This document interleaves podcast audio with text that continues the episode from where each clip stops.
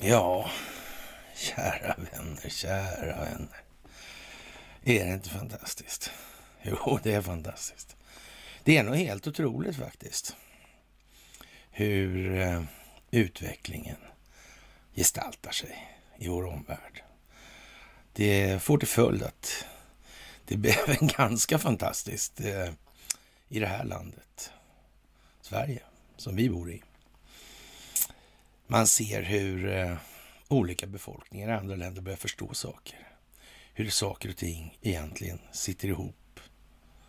Och hur det på något vis tycks konvergera mot en och samma kärna. Historiens vingslag går igen i det här sammanhanget för sista gången. Ja, vi skriver den fjärde februari 2022 och då, kära vänner, är det fredag och då är det dags för ett eh, fredagsmys. Ja, fantastiskt. Ni ska ha det största tack som alltid. Ni gör en formidabel insats. Helt otroligt. Och Eh, ja, vi kan väl vara positiva i den meningen och säga att även alternativrörelsen gör ju faktiskt en fantastisk rörelse i och med att den samlar ihop sig själv, även om man till stora delar helt och hållet saknar någon problemformulering värd namnet. Men det är kanske, ja, som sagt, det gäller ju att eh, ha någonting att säga med tiden. Va? Och är folk väl igång så är det ju naturligtvis lättare att peka på riktningen vi kanske borde röra oss i och vad det här egentligen handlar om för någonting. Vilka problem vi står inför och varför och vad är grunden till att situationen har det utseende som den har idag egentligen. Och det är helt fantastiskt bra att det blir som det blir, alltihopa. Det behövs. Det behövs. Det är mycket som ska tas in av många nu och det gäller inte minst här i Sverige. Ni ska ha det största av tack för gåvor på Swish och Patreon. Ni ska som vanligt ha ett stort tack för att ni fördjupar er på karlnorberg.se och ni ska som alltid ha ett tack för att ni hakar på Telegramtjänsten. Det kommer en massa olika information och eh, det här eh, Tjallarhornet kan vi väl döpa om det till, eller på amerikanska då Bullhorn, eller till översatt till svenska då kanske ja, skitsnackhornet då, eftersom eh, det, de ägardirektivstyrda opinionsbildningsmedierna faktiskt bara är vad de är och ingenting annat. Men eh, någonting annat är de trots allt nu. De är tvungna, de är tvungna att spela med i det här. Mm. Och inte bara de. Även techjättarna är med i det här. Mm. Det var så att det här var planerat. Det var inte så att Donald Trump bara blev president och sen inte hade en aning om vad han skulle göra på jobbet. Det var inte alls så det var. Alltså. Nej, nej, nej, nej, nej, nej, nej. Det var på ett helt annat vis. Ja, och vi står nu inför, vad ska vi säga, upploppet i det här. Vi kanske är lite inne på upploppet också. Men det här upploppet är inte så kort som man tror. Alltså det är inte så att det kommer bara komma in någon vit springare med en riddare på och sen så är saken biff och sen kan alla återgå till att bete sig som de alltid har gjort. Nej, så är det inte. Så det gäller att måla. Det gäller att sminka grisen helt enkelt. Så att folk förstår att eh, fan, det är ett spel i spelet här alltså. Ja, ja, ja, ja, det är så det går till ja. Mm. Det gäller att väcka frågor, få folk att själva vilja söka svaren. Få folk att engagera sig. Ingen kan nämligen veta vad någon annan tänker eller upplever för känslor. Därför ingen har haft exakt samma förutsättningar, till exempel genetiskt. Och sen då i fenotypiskt, alltså det vill säga den social psykologiska miljöpåverkan som man utsatts för, som också spelar roll för individen som slutprodukt betraktat. Det är bra att komma ihåg. Jättebra att komma ihåg. Och det är, ja, vad ska vi säga, det är nästan lite eh, parodi alltså just nu. Det får man säga ändå. Lite kul faktiskt. Men eh, ingen oro i alla fall. Det kan inte bli tokigt det här helt enkelt. Och det kommer att bli jättefantastiskt. Helt säkert. Och eh, den här planeringen, den håller streck. Var så jävla säkra på det alltså. Den håller streck. Och eh, vad ska vi börja med? Eh, dråpligheternas dråplighet kanske, i alla fall i linje med det lite grann. Och nu är det i alla fall ställt bortom allt tvivel att eh, Sverige blir en stormakt när det gäller batterier till bilar och lastbilar, säger näringsminister Karl Petter Thorvaldsson, socialdemokrat. Och Eh, ja, som sagt, det ekar tomt till minnet av fornstora dagar. Ja, då är att ditt namn flög över jorden. Inte Karl Petters alltså, utan Moder Sveas. Ja, du gamla, du fria, du fjällhöga nord. Lite indiskt va? Nästan, eller? det kanske, ja, man vet ju aldrig det där. Mm. det är magnifikt alltså. Du gamla, du fria, ja. Mm. Ligger som lite mm, fadd smak i munnen när det gäller tiden. Stormakt säger Karl Petter, ja. Mm. Skuldmättnad säger vi kanske då. då. Och ja, förvisso alltså. Den svenska syndafloden där, mitten på 1600-talet. Mm. Men vem vet, vem vet. Ja, vi får väl se vad det blir av det. Det kommer att visa sig snart. Så. Men eh, det är svårt att tro att eh, ja, omvärlden är så här våldsamt intresserad av att fortsätta som det har varit. Det kan vi nog inte tro på riktigt. Nej, så det kommer att bli bra. Ja, en bra sak som man ofta pratar om nu här i de här tiderna med covidiotins salig hädangång eller sotdöd eller som man kanske bättre skulle uttrycka saken i ljuset av verkligheten, så har ju vi ofta hållit oss med det här lite ja, vi kallar det för diplomatiska uttrycket då kanske, alltså att vi tar inte den här diskussionen om de virologiska delarna i det här för att eh, det båtar föga helt enkelt. Det kommer inte leda någonstans. Utan den här historien är ju liksom uppdiktad eller tillkommen av en och samma anledning som ligger bakom all annan utveckling vi ser framför oss i samhället idag och även inom geopolitiken. Och det handlar givetvis om det här ekonomiska systemets valutafinansiella del. Alltså det handlar om skuldmättnad. Det handlar om enskilt kontrollerade räntebelastade skulder som ackumulerar en växande räntekostnads, ackumulerad räntekostnadstillväxt med andra ord. Och vi kan väl säga att amerikanerna har kommit dit hän och det är ju, ja, som sagt, det måste vara så. Hur bryter man det här? Och många undrar, vad är lösningen? Och naturligtvis när svenskar undrar det så tänker de ju på sin egen plånbok. Och bara det gör ju att man på pin inte har lust att svara på några frågor.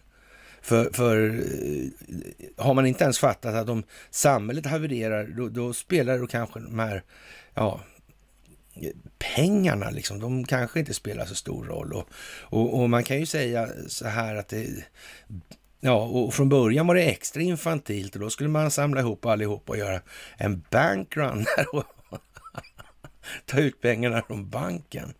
Okej, okay. ja, ja, ja, ta ut en bankväxel kanske. ja, ja, ett papper med lite siffror på sådär alltså. Som ni inte, eller, eller kontanter kanske. Ja, ja, ja, ja. Men nu finns det inte så många kontanter så det, så det går ju inte ens. Nej, kanske. Och, och, och, eh, om inte nu ska ha kaos inne på bankkontoret så lär de behöva stänga dörren det innan det dyker upp då, eller? Kanske? Jaha, alltså så var det. Jaha. Och då den här betalningsinfrastrukturen och konto, kontoinfrastrukturen där. Men det finns väl inom ramen för något speciellt system, någon form av teknologisk lösning på det här. Det är typ en telekominfrastruktur brukar vi säga då. Ja, ja kanske det ja. Mm. Och det är ju liksom ettor och nollor i datorer då alltså. Mm. Det är ju speciellt, det är ju speciellt. Ja, och man får väl eh, kanske tänka sig då liksom, men, men guld och silver då, är inte det bra liksom? Men, va, men värderas inte de i de där ettorna och nollorna i datorerna eller de här papperslapparna som också bara är löften och sådär? Är det inte så? Jo, men så är det väl faktiskt. Ja, hur blir det här nu egentligen? Alltså det som är problemet, det är ju det här att man har ju klätt det här jävla larviga spöket då i det här med centralbanker och så. där. Och sen det här systemet sedan 1931 när det infördes då Bank of International Settlements, alltså internationella regleringsbanken. Då har man ju ja, så att säga försökt göra det här, göra gällande då att det här är någon form av eh, statlig instans. Och det kan det ju vara, det, det är ju, för det är fortfarande inte det som spelar någon roll här. För det som spelar roll, det är ju det att det är bankernas skapande av lån som påverkar och styr mängden betalningsmedel till största del. Så det där andra är ju bara en kuliss och det går baklänges alltså. Det börjar ute i banken och sen anpassar då Riksbanken. Det är ju liksom en sminklås eller vad man ska kalla det, en politisk sminklås. Och, och, det är ju inte så att de här vinstmaximerande bankerna inte vill tjäna pengar. Och när den totala, alltså den sammanlagda räntekostnaden i ekonomin blir för hög, ja, vad händer då? Ja, då måste man sänka räntenivån. Mm. Det blir inte bättre om den är för hög av att höja räntorna. Det är inte så alltså. Det är inte så. Så när SBAB höjer, men vem, vem, får, vem får ansvaret för det här? Egentligen. Ja, Fed styr ju det här mycket. Och den är privatkontrollerad i New York. Det är den. Den är en slags tryckutjämningsventil. Det är därför de är så snabba med att ge Handelsbanken stöd. 2008 där. 64 miljarder. Det gick ju fort. Mm. Det var som en direktlina. Konstigt, konstigt, konstigt. Ja, det är mycket med det här faktiskt. Och nu är det OS och det är speciellt. Vladimir Putin, han är i Kina och pratar med Xi Jinping. Amerikanska alternativmedier, de firar stora triumfer nu. De ägardirektiv styrda opinionsbildningsmedierna med CNN i spetsen, alltså Expressens strategiska partner. Vänta nu. En strategisk partner. Och de håller på som de gör. Halva gänget där ifrån Brian Stelter till Chris Cuomo till you name it. Men de är ju mer eller mindre heltidsinstruerade av CIA. Jaha, så dumt, så dumt. Och den strategiska partnern då alltså, den jobbar åt andra hållet på något vis? Eller det, vad gäller det där för någonting då? Eller kan, hur, hur kan det vara egentligen då? Varför satte de upp den här skylten på Almedalen på Gotland för egentligen? Vad menar de? Varför, varför gjorde de så? Var inte det tokigt? Uh, hur länge har det varit stacklat här? Han Lars Jonung där, men det var tidigare ändå. Alltså det var om inte tio år tidigare så säger jag att det var då 2006, 7, 8 kanske, där någonstans. På ett seminarium. Någon, eh, ja, så här, bullrig typ avbröt seminariet. Och sa, du, eh, är det inte läge att snacka om vad det här handlar om egentligen? Vad menar du? Jo, men att det här är skuldmättat. Och sen kom det eh, en litania som vanligt då alltså. Och, och Ja, det var ju inte så att Jonung tyckte att jag var fel och sådär. Så han höll med om att det är sådär. Och, och det är rätt. Så, så här, så, men vi vet inte vad vi ska göra. Sådär, där, där. Och det var inte bara en människa på det sättet. Det var många människor. Ja, sådär, där, där ja. Mm. De har vetat att det här ska komma. Så de har sminkat grisar hela tiden. sedan 1931 noga räknat. De har hittat på nya metoder för att eh, ja, komma till rätta med det här. Och eh, konstigt egentligen alltså. Konstigt. Det har varit lite eh, laga efter läge hela vägen. Många saker har varit lång, väldigt långsiktigt planerade, men det har inte gått hem riktigt i ljuset av att man har gjort ett sånt jävla eller en sån jävla fulkörning i botten med det här systemet som man visste i sig inte är långsiktigt hållbart under inga omständigheter. Räntekostnaden blir för hög totalt sett i ekonomin med tiden. Förr i tiden hade man jubelår för att det här inte skulle uppdagas. Det var en enkla anledningen till att det såg ut på det viset. Mm. Och många tycker ju inte om att höra nej fy, oj oj oj. Bara konspirationsteorier. Ja, ni vet själva. Ni känner igen det här. Men nu är det glädje, nu är det olympiska spel och gensaxen är naturligtvis i ropet. Inte än, men inom kort. Emellertid så är det nu på, det, på så vis att det här har ju Arne Ljungqvist känt till. Vi kommer tillbaka till Arne och hans så att säga dopinghistorier och det finns lustiga kopplingar där som är värda att kolla upp när det gäller ja, Arne Ljungqvist till exempel och ja, vad sägs om Hans Holmér kanske och Olof Palme och dopingfusk och så vidare. För det är ju snack om doping nu också. Igen. Och ja, vi har ju tagit upp det här miljoner gånger snart, men i alla fall, det där är ju typiskt svenskt alltså.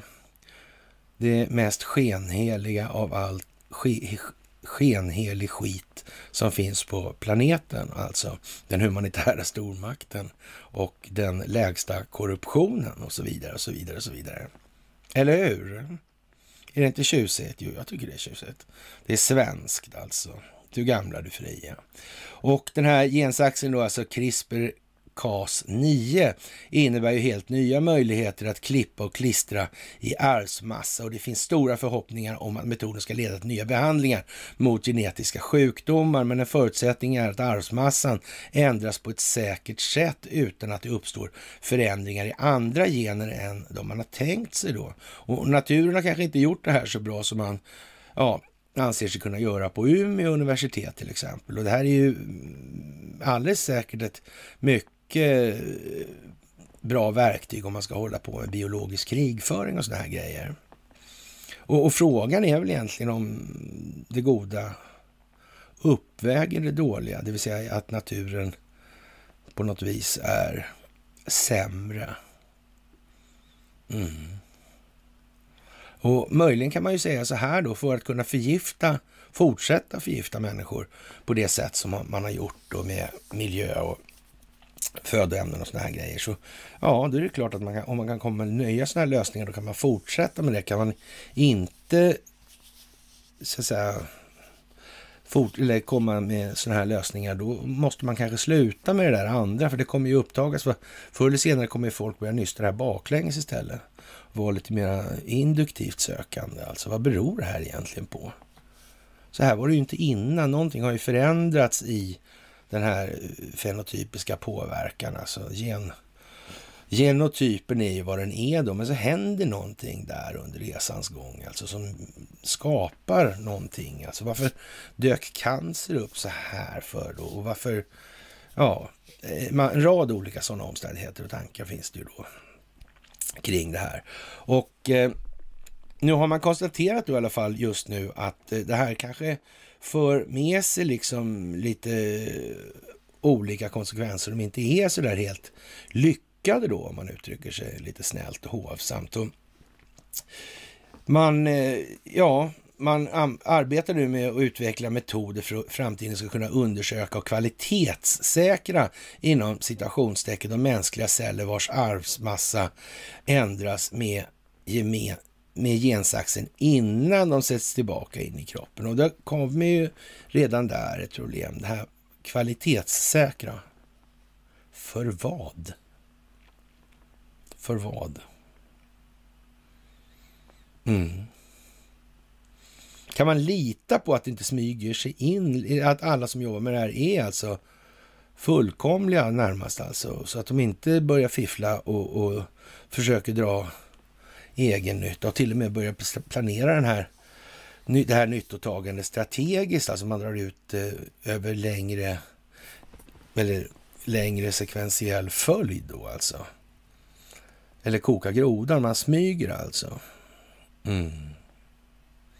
Och samtidigt som man förbereder sig också parallellt strategiskt i sekvenserna. Kan man lita på det verkligen? Är det lämpligt? Är det rimligt? Ja, inte ännu skulle jag säga. Alltså, det är inte riktigt klart ännu. Och eh, det handlar ju om att de ska tjäna pengar och det blir ju lite som det är.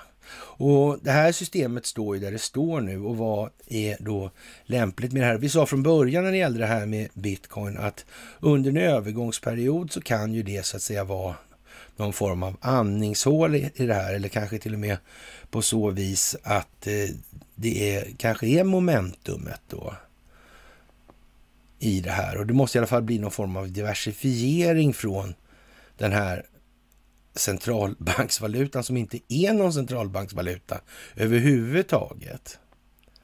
Så. Utan det går ju liksom genom de enskilda bankerna och där måste ju faktiskt folk börja förstå att ja, det här med banker alltså. Vad är det för någonting då? Ja. Finns det banker eller finns det Köping? Finns det bank? Mm. Finns det penningmånglare? Mm. Ja. Vad var det här egentligen alltihopa från början? Vad hände egentligen 1814? Grattis Norge! Äntligen! Äntligen alltså. Ja, och kom sen inte och säg att vi inte sitter ihop. Nej, så är det inte. Nej.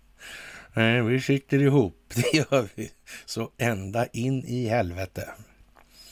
Så ända in i helvete. Och det kan man ju säga att det det är nog inte fler svenskar än vad det är norrmän och inte fler norrmän än svenskar som faktiskt förstår det här ordentligt. Det är det ju. Men nu har ett gäng i Norge faktiskt eh, förstått en hel del.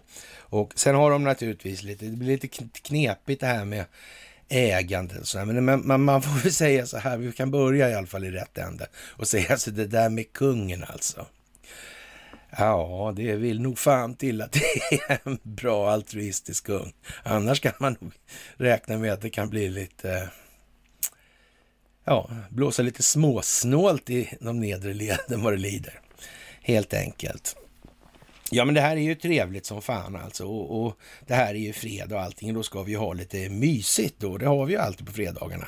Och det är ju faktiskt riktigt roligt här. Och eh, Norge har alltså en eh, konstitution som är eh, en monarki. Jag brukar ju snacka om de här eh, penningmonarkierna och det är ju ingen annan på planeten som pratar om de där. Men det är ju just det här när kungen ska slå mynt. De andra har inte haft det. USA har haft republik till exempel och, och, och det gamla landet var ju Europa då. Mm. Och det, när det här benämns då i de här sammanhangen, då var liksom Ja, då var Axel Oxenstierna i ropet. Så, det, I det gamla eh, landet, de gamla länderna här. Mm. Och USA och den amerikanska konstitutionen, den här första amerikanska delstaten och varför jag håller på och tjatar om ja, den här Delawarean resident och, och så vidare. Mm. Det kan ha varit lite tanke bakom de här uttrycken. Men det gick inte hem då, för, och ändå är det bara några år sedan sådär alltså. Mm. Men nu är det hemma, nu är det hamn. Och eh, Norge bygger på här då naturligtvis det här, precis som man gör från svensk sida med Karl Petter som är riktigt trevlig. Han är ju kär i gruvorna, käre på Karl Petter här också. Och, och nu drömmer han om stormaktstider, säger han så här. Och det är ju lite sådär eljest kan vi ju säga. Men, men, han måste göra sådär. Han är nog inte så glad egentligen. Nu har de en glad bild på honom i alla fall. Och i, ja, eller på hans volym, voluminösa uppenbarelse, hur fan de uttryckte det här förleden i någon av tidningarna. och eh, som dock var lite kritisk till Karl Petter och det kan man kanske också vara ibland. Eh, jag pratade med någon förresten här, eh, ja, halvfackpamp om, eh, ja, i, i, inom samma häng då som Karl Petter har verkat tidigare och mm, det fanns väl då vissa indikationer på att det var lite gnälligt i leden, att det var noga räknat faktiskt snarare noll som skulle rösta på Socialdemokraterna. Och, och för övrigt visste de inte vad de skulle rösta på överhuvudtaget längre. Och det kan ju vara så att eh, det går ut på det här. Alltså det gäller att visa att det här har varit en riktigt dålig teater under hela tiden. Så länge vi och våra föräldrar kan minnas.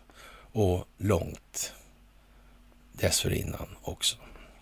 Jaha, norsk optik som kan ge blinda synen blir det alltså frågan om då när bekräftelsen kommer på att eh, ingen mindre än Jens Stoltenberg blir ny chef för den norska centralbanken. Ja, men eller hur? Är inte det fantastiskt? Otroligt bra alltså. Och i samband med det här då så har det här gänget kommit på att det här med vad fan, det är ju liksom helt fel på hela konstitutionen och det här med koncessions eller successionsordningen alltså. Det är ju liksom jävla märkligt alltså. Och vi har ju det här också. Är det liksom så att en, en penningmonarki i, någonstans i botten är då liksom till för att skydda kungen som institution främst. Det kan det vara så? Det kan ju vara så. Kan det bero på att Karl Petter och hans polare då, eller kan det vara en anledning ska jag säga, till att Karl Petter och hans polare har haft det i partiprogrammet och hela tiden att de ska ta bort monarkin, men det har liksom inte blivit av riktigt sådär av någon anledning.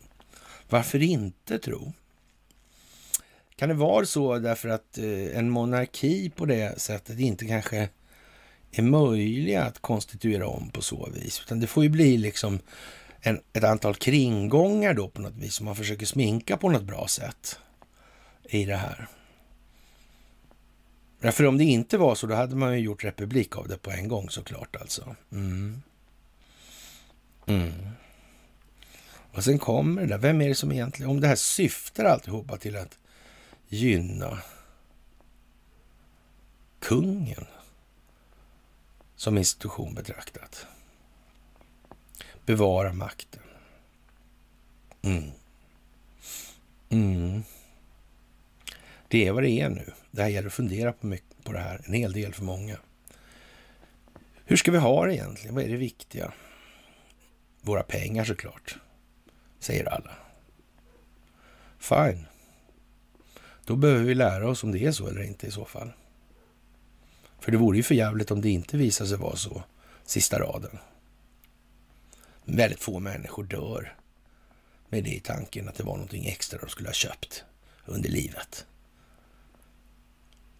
De flesta människor insåg att utan andra människor i livet så var det inte mycket att ha det där livet egentligen värdet i att kunna kommunicera med varandra, värdet i att få ta del av andra människors upplevda känsloliv. Kan det vara så att vi är lurade? Att vi är så in i helvete lurade som kanske ingen befolkning på den här planeten någonsin har varit. Vi har det utvecklade samhället. Och så vara. Det måste vara. Men är inte det någonting annat också samtidigt? Och sett i ljuset av att eh, det ser ut som det gör. Och att eh, den materiella tillgångsfördelningen aldrig har varit mer skev. Blev det ens så bra ur det perspektivet som vi har hållit oss med då? Det filosofiskt materialistiska perspektivet. Blev det lyckat? Var det succé? Eller var det helt jävla misslyckat? Ja, det har ju aldrig varit mer misslyckat i alla fall. Så mycket kan vi ju säga. Så kan vi ju säga. Jaha, det är ju eh, lite udda när man behöver ta till sånt här, alltså när Jens Stoltenberg ska bli chef för den norska centralbanken. Den familjen är lite sådär, eh, lite lätt anstruken av adel. Politisk adel, den senare formen här alltså. Ja. Oh. Var senaten i Rom korrumperad?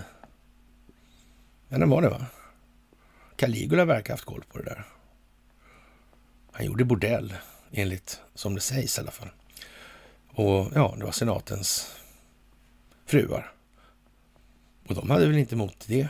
De levde ju sus och dus, som man så vackert säger. Ja, ja, det må ju vara som det är med den saken faktiskt. Och eh, Daniel Ek säljer aktier i Spotify också. Jaha, det där Spotify, var inte det lite i ropet? Var det inte någonting med... Hur var det? Rogan kanske? Nej. Mm. Mm. Ja, vi kommer tillbaka till det. Så det... De här techjättarna, vad är de? Är det Nasdaq? Ja. ja. Där man kan Ja, just det. Det är någon som kontrollerar Nasdaq, så därför kan man liksom handla emellan hela tiden. Och, mm. Så kan man göra. Så kan man göra. Den som har de resurserna, han kan ju så att säga göra vem fan som helst rik. Hur lätt som helst. Och det är bara pumpade värden. Och ingen ser pumpen. Den går inte att se. Det är inte så att det går, in och, går, går att gå in och kolla i systemen på det viset. Nej, det gör det inte. Det är företagshemligheter dessutom. Mm. Och dessutom kontrollerar man telekominfrastrukturen. Tänka sig. Ja, ja, ja, ja, ja, ja, ja. Mm, vi får väl se. Vi får väl se vad det blir av den saken, för det blir det. Jaha, Trelleborgs starke man utpressad efter att ha försökt köpa sex och bortförklaringskatalogen är naturligtvis massiv i den meningen. Och eh, ja, han polisanmälde det här i alla fall, utpressningen då. Han betalade då 213 eller 216 000 spänn för att inte få den här mejlkorrespondensen publicerad. Mm. Ja, vad ska man säga? Hur var det med underrättelsetjänstkollektivet egentligen? Mm. Vad är det man har gjort här egentligen? Vad är det som har hänt? Är det så enkelt som det låter? Kan det vara djupare? Ja. Mm. Vad satt han i för beslutspositioner? här? Han var väl då KSO, va? kommunstyrelseordförande har jag, tyckte jag att jag såg. Ja, vi får väl se. Det lär ju visa sig. Jaha, det är... Ja, moralen är vad den är på sina håll och ibland är det bra, ibland är det dåligt. Ja, och covidiotin slutar på onsdag. Fast gör den det egentligen? Den sitter ju i huvudet på människor, mellan öronen. Där sitter den ju i största. Så gör den det egentligen? Nej, det gör den inte. Men kan man använda det här som bollträ till något mer då? då? Eller hävstång alltså? Mm -hmm. Ja, vad har vi sagt egentligen om det här? Stoltenberg, han ska i alla fall byta jobb, det är säkert. Mm, han ska inte fortsätta med NATO i alla fall. Och det här NATO har ju vi sagt kanske inte ska se likadant ut framgent. Det, det, det tror jag vi har uttryckt. Det har de flesta förstått alltså. Ja. Mm. Och så var det EU, va? Någonting var det med EU också. Ja, det ska inte heller se ut riktigt som det har gjort. Och mm, ska det ens finnas kvar? Det är frågan. Det är frågan. Men eh, de här i EU, de har ju lite svårt alltså. Dessutom, ja, Oj, oj, oj, oj, oj, så tokigt det kan bli. Jaha, och eh, vaccinationsbevis kommer ju inte att användas längre i Sverige från och med onsdag då. Om EU går ut då med att förlänga det här vaccinpasskravet då till eh, ja, juni 2023.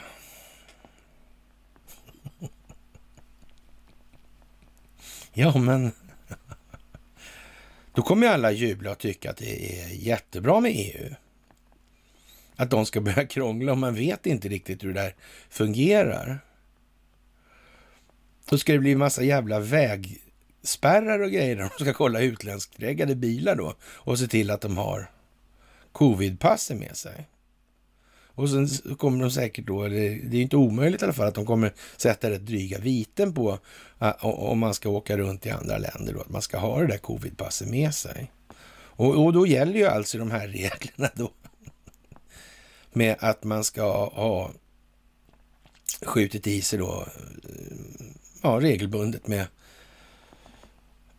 ja, vad man nu ska kalla det här, för vi, inte pratar om, vi pratar inte om det virologiska innehållet, för då blir det så gnälligt överallt. På. Vi är ju redan rätt hårt ansatta av de här techjättarna, men det är ju som sagt vad det är i det här och det är, ja, idag kanske det är storleksordningen 13 plus minus 10 dagar innan någonting kan hända. Och ja, vi har ju sett det här med Facebooks aktievärde igår, i förrgår kanske då.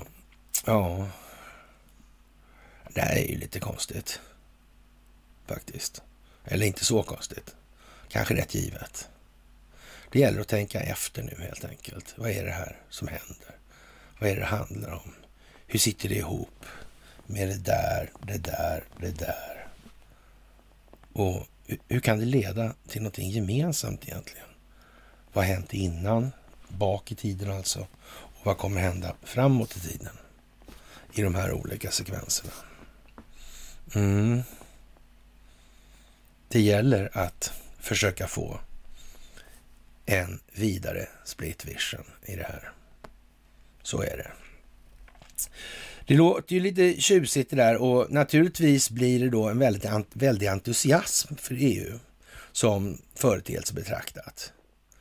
Och ja, många tyckte ju då liksom att de tog ju det här vaxet då, då för att de skulle kunna resa. Det var ju så viktigt.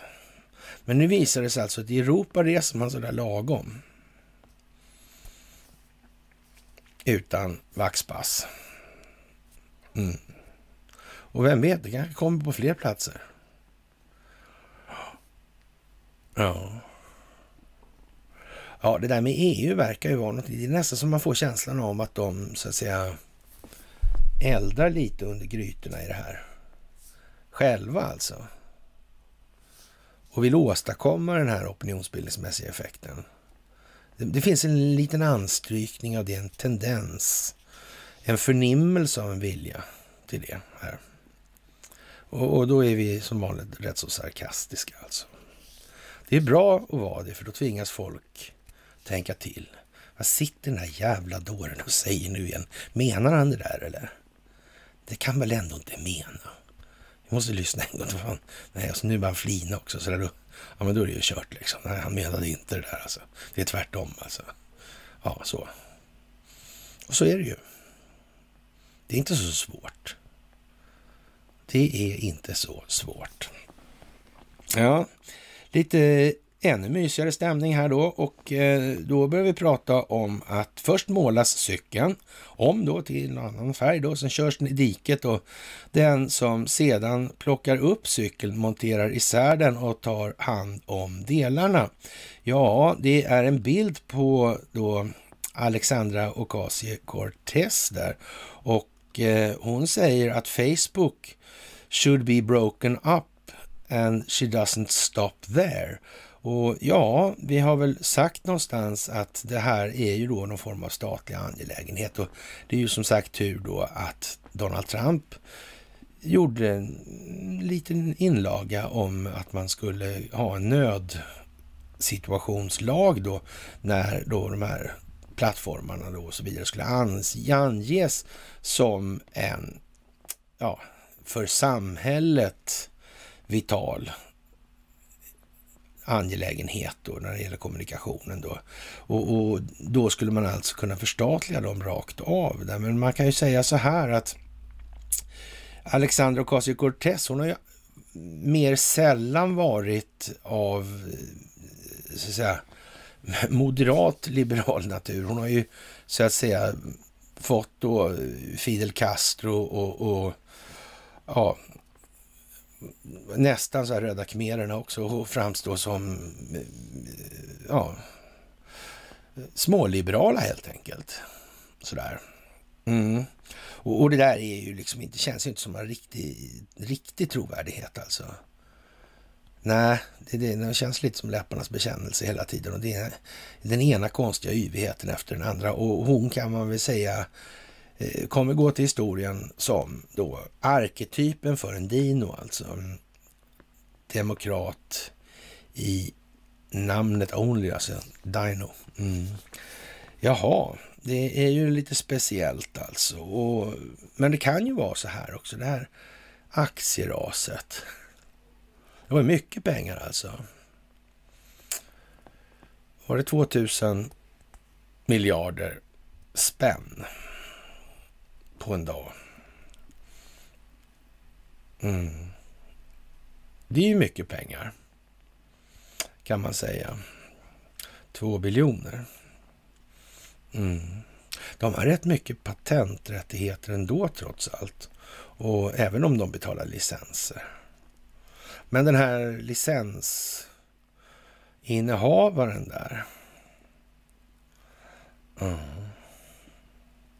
Den måste man ju ha koll på naturligtvis om man ska sjösätta en sån här verksamhet som att försöka ta kontroll över den djupa staten. Den kan man ju liksom inte låta vara bara sådär. Nej, det går inte. Nej.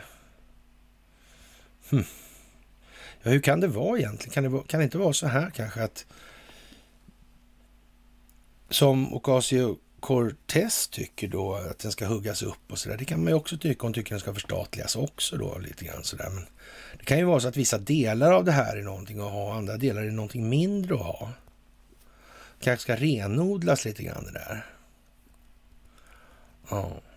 Då skulle det kunna bra, vara bra att ha en egen plattform kanske då. Till exempel. Skulle det kunna vara. Mm. Faktiskt. Och så kunde man ju då, ja, så att säga,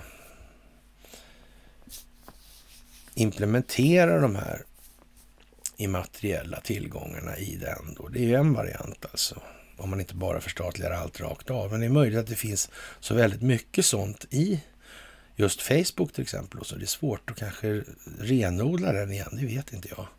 Men man skulle ju kunna tänka sig att det kan vara så i alla fall. För trots allt är det ju skapat som ett spionverktyg i grund och botten. Och det kanske inte är tanken att det ska vara det. Helt enkelt. Mm. Men om man har en kvantdator som vaktar det där sen så blir det ju naturligtvis mycket lättare att hålla efter den här typen av intressanta manipulationer. Så är det också. Ni hänger med? Mm, bra, faktiskt. Det är inte så svårt. Jaha, hur förgiftad är nu den här miljön egentligen? Ja, censur förgiftar och polariserar. Ja, det kan inte bli mycket bättre exponering än så här än vad som är nu. Det är så det måste gå till. Det går ju inte att tala om att så här och så här är det dag ett för Donald Trump. Vem fan hade trott på det där? Jävla dåre. Dessutom har han orange hår också. Mm. ja, det går inte. Och dessutom lider man av samma sjuka alltså den djupa staten, i Kina och Ryssland. Mm.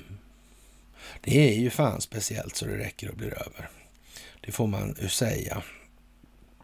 Och eh, det har ju gått långt när man i ABC då, eh, ja, kanalen, amerikanska kanalen alltså, faktiskt eh, sänder en sån här historia som när eh, ja, Kari Lake då, en kandidat i kommande valet här nu som får uttrycka sig som hon vill alltså. Hon gör det jävligt begåvat sådär, så det, blir, det är ju bra.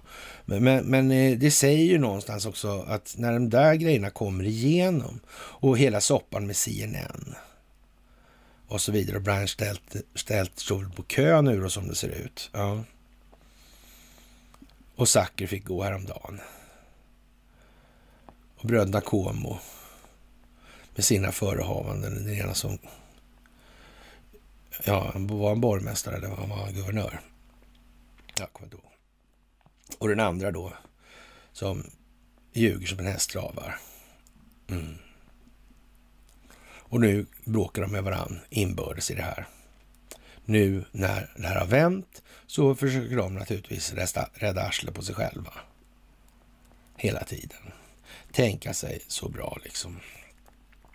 Jaha, och eh, i eh, Turkiet som är då den fjärde mannen, då, eller Recep Tayyip Erdogan, så på den här bilden som vi gjorde då för många, många år sedan då och eh, hur det här skulle, eh, hur det egentligen ser ut då och vilket nu visar sig att det är så här det ser ut då.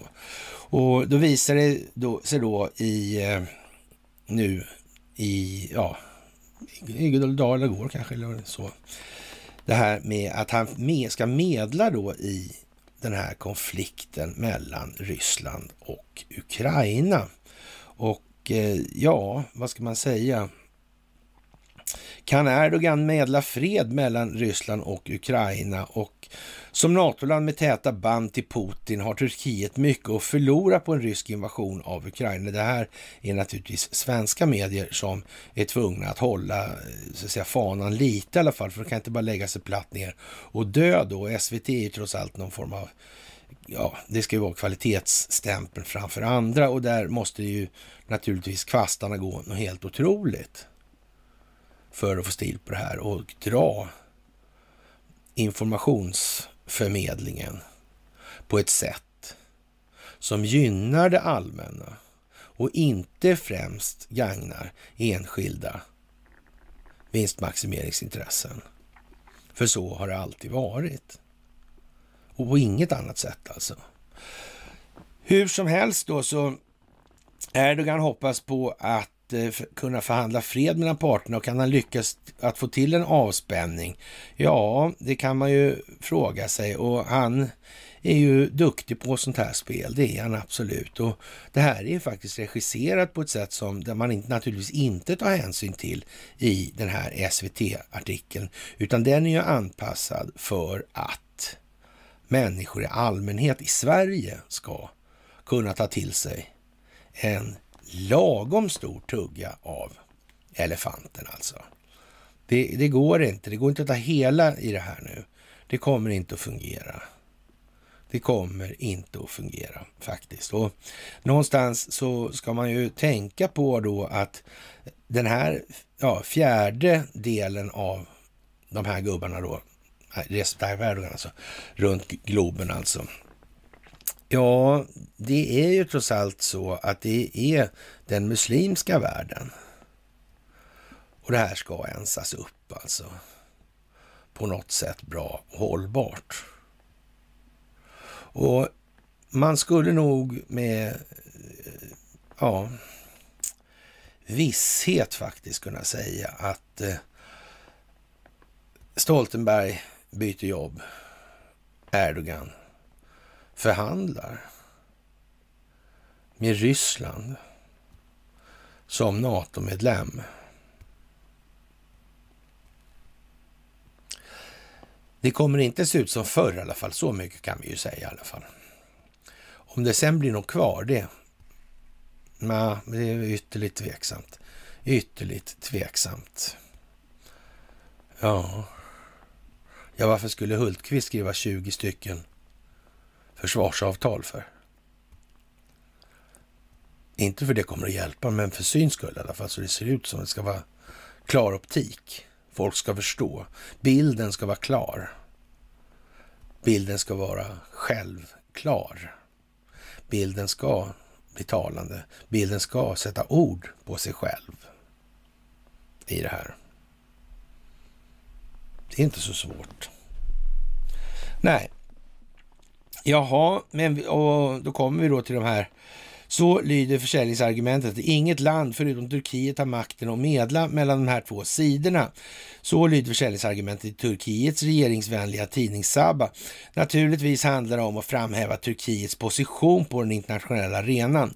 Men eh, visst ligger det något i att Turkiet har en unik relation med både väst och ja, Vladimir Putin, ja, men det, är nog, det ska väl vara Kreml kanske, eller Ryssland, men skitsamma då med Putin då. Det, det, det här är ju någon, alltså det måste jämkas in alltså. Det, Ja, det får inte bli för mycket brytning i svenska befolkningens sinne helt enkelt. Och det, det räcker inte så långt. Han har, han har nämligen onda ögon, har tidningarna skrivit. Då tror befolkningen det som aldrig har sett ögonen överhuvudtaget. Ja. Under många års tid har Turkiet spelat ut stormakterna mot varandra i ett triangeldrama. Och eh, ja, man nämner ju alltså inte med ett ord den här CIA-kuppen som gjordes då 2016 då och som följde på den här misslyckade nedskjutningen av det ryska bombplanet i Syrien. Och, och, det var ju meningen att det skulle få helt andra politiska konsekvenser. Det fick det emellertid inte. Då, var det ju bråttom att göra den här då, statskuppen då. Men den var ju så att säga, den hade man sett ja, innan de hade tänkt den att den skulle komma i princip. Alltså, det gick ju sådär alltså. Men den teatern spelar man ju oerhört snyggt alltså. Så, fantastiskt helt enkelt. Och eh, ja, i alla fall så ja, en besvärlig lagspelare då. Som NATO-medlem har Erdogan bland nära band, har Erdogans nära band till Putin väckt kritik från väst, inte minst för köpet av nya ja, luftvärnsrobotar, ett luftvärnsrobotsystem, alltså det S-400. Och, och, det är ju klart att det, det, är ju liksom mycket värre än allting annat om man ska se det ur ett militärt operativt perspektiv, för där kan ju lyssna av precis allting alltså. Det, det är ju liksom det är komplicerade grejer det där alltså. Och ja, det där blir, blir egentligen kan man säga att det eh, den teknologiska prestandan på det här systemet gör ju gällande att det här militära samarbetet som man har haft tidigare, det är slut helt enkelt. Det går inte. Det, det, det är färdighaft liksom. Så, och, eh, men det här fungerar ju av den enkla anledningen att ja, Donald Trump och Recep Tayyip Erdogan, ja, de har ju pratat med varandra mer än vad de har talat om för omvärlden att de har pratat med varandra. Så. Och, och vi drar just till minnes den här lite, ja, vi ska inte säga komiska, incidenten det där med boxningsmatcherna. Nej, ja, han hade en hel skock med livvakter med sig, Erdogan, som sprang ut på en gräsmatta och boxade på ett skock amerikaner. Liksom. Ja. Det var lite sådär kanske man tänkte, men nu vet jag inte om det inte spårar ur det här lite grann ändå. Alltså. Det här kan inte någon köpa, att det gick till så här alltså. De glömde liksom att skydda Erdogan lite grann. Gav sig på att spöa protestanter, de som protesterar mot närvaron på besöket. Alltså det var sådär. Man, ja, ja, man blir lite tårögd och skrattar när man tänker på det. Det var fan lite roligt. Ja, om ni inte kommer ihåg det så kolla det faktiskt. Det ser lite ja, som det ser ut alltså. Jaha, och eh, det är mot den här eh, bakgrunden då som Erdogan självsäkert har påbörjat en kampanj för att få parterna att lösa konflikten på diplomatisk väg. Och efter dagens besök i Kiev, alltså häromdagen då igår, eh, väntas Erdogan och Putin mötas inom en snar framtid enligt turkiska källor. Men det har inte bekräftats av Moskva och eh, ja, Räcker de här täta banden för att säkra en fred? Ja, tveksamt säger man då från SVTs sida. Frågan är framförallt hur mycket inflytande Erdogan kan utöva på Putin.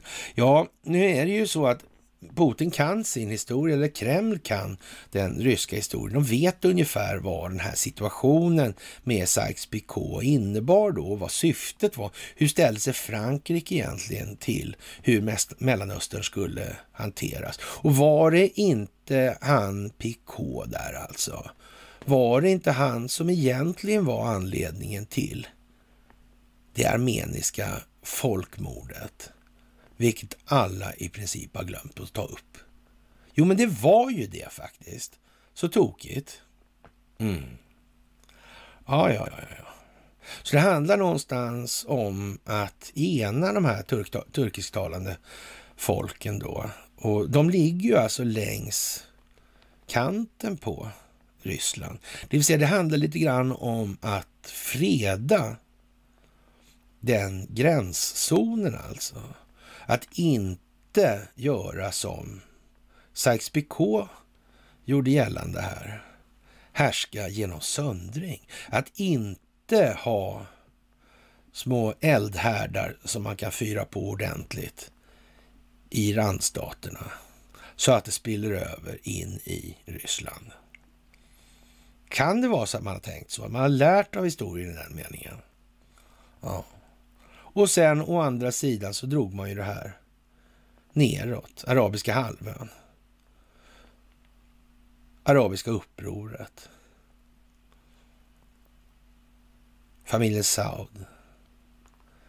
Familjen Wahab. Sunnisekteristisk extremism, wahhabism. I samma veva. Men det bara blev så. Och som vanligt, vi har gått igenom det här på föreläsningar och på mys. Framåt, bakåt, ditåt och ditåt, uppåt och neråt och så vidare. Ja, det är bara att be era vänner och bekanta titta på föreläsningarna. De är ju långa och, och ja, sådär.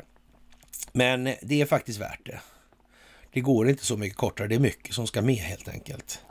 Inte bara alla, som Göran skulle sagt. Och eh, ja, som NATO-land har Turkiet tagit tydlig ställning mot en rysk invasion av Ukraina eh, säger man då. Och det här är ju naturligtvis svensk television då, det, eller Sveriges Radio. Så det är ju som det är alltså. Men i skarpt läge kommer Turkiet position utsättas för hårda prövningar av såväl NATO som Ryssland. Och eh, med tanke på att Turkiets bedrövliga ekonomi eller på att Turkiets bedrövliga ekonomi är Ankara i en utsatt position för den som vill dra åt tumskruvarna. Ett mardrömsscenario för Ankara är att en eskalering i Ukraina leder till att både väst och Ryssland straffar Turkiet. Ja,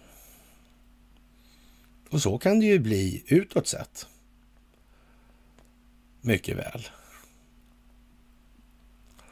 Och att eh, USA i så fall skulle göra comeback som NATO-land i den meningen. Det finns ju inte. Det finns ju inte helt enkelt.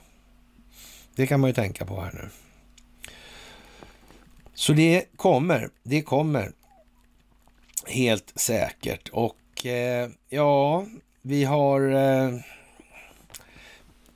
en eh, sån här eh, FN larmar om en fruktansvärd ökning av militärkupper då. Och jag vet inte, liksom, det är för jävligt helt enkelt. Vi ser en fruktansvärd ökning, sa FNs generalsekreterare Antonio Guterres i samband med tisdagens kuppförsök i Guinea-Bissau.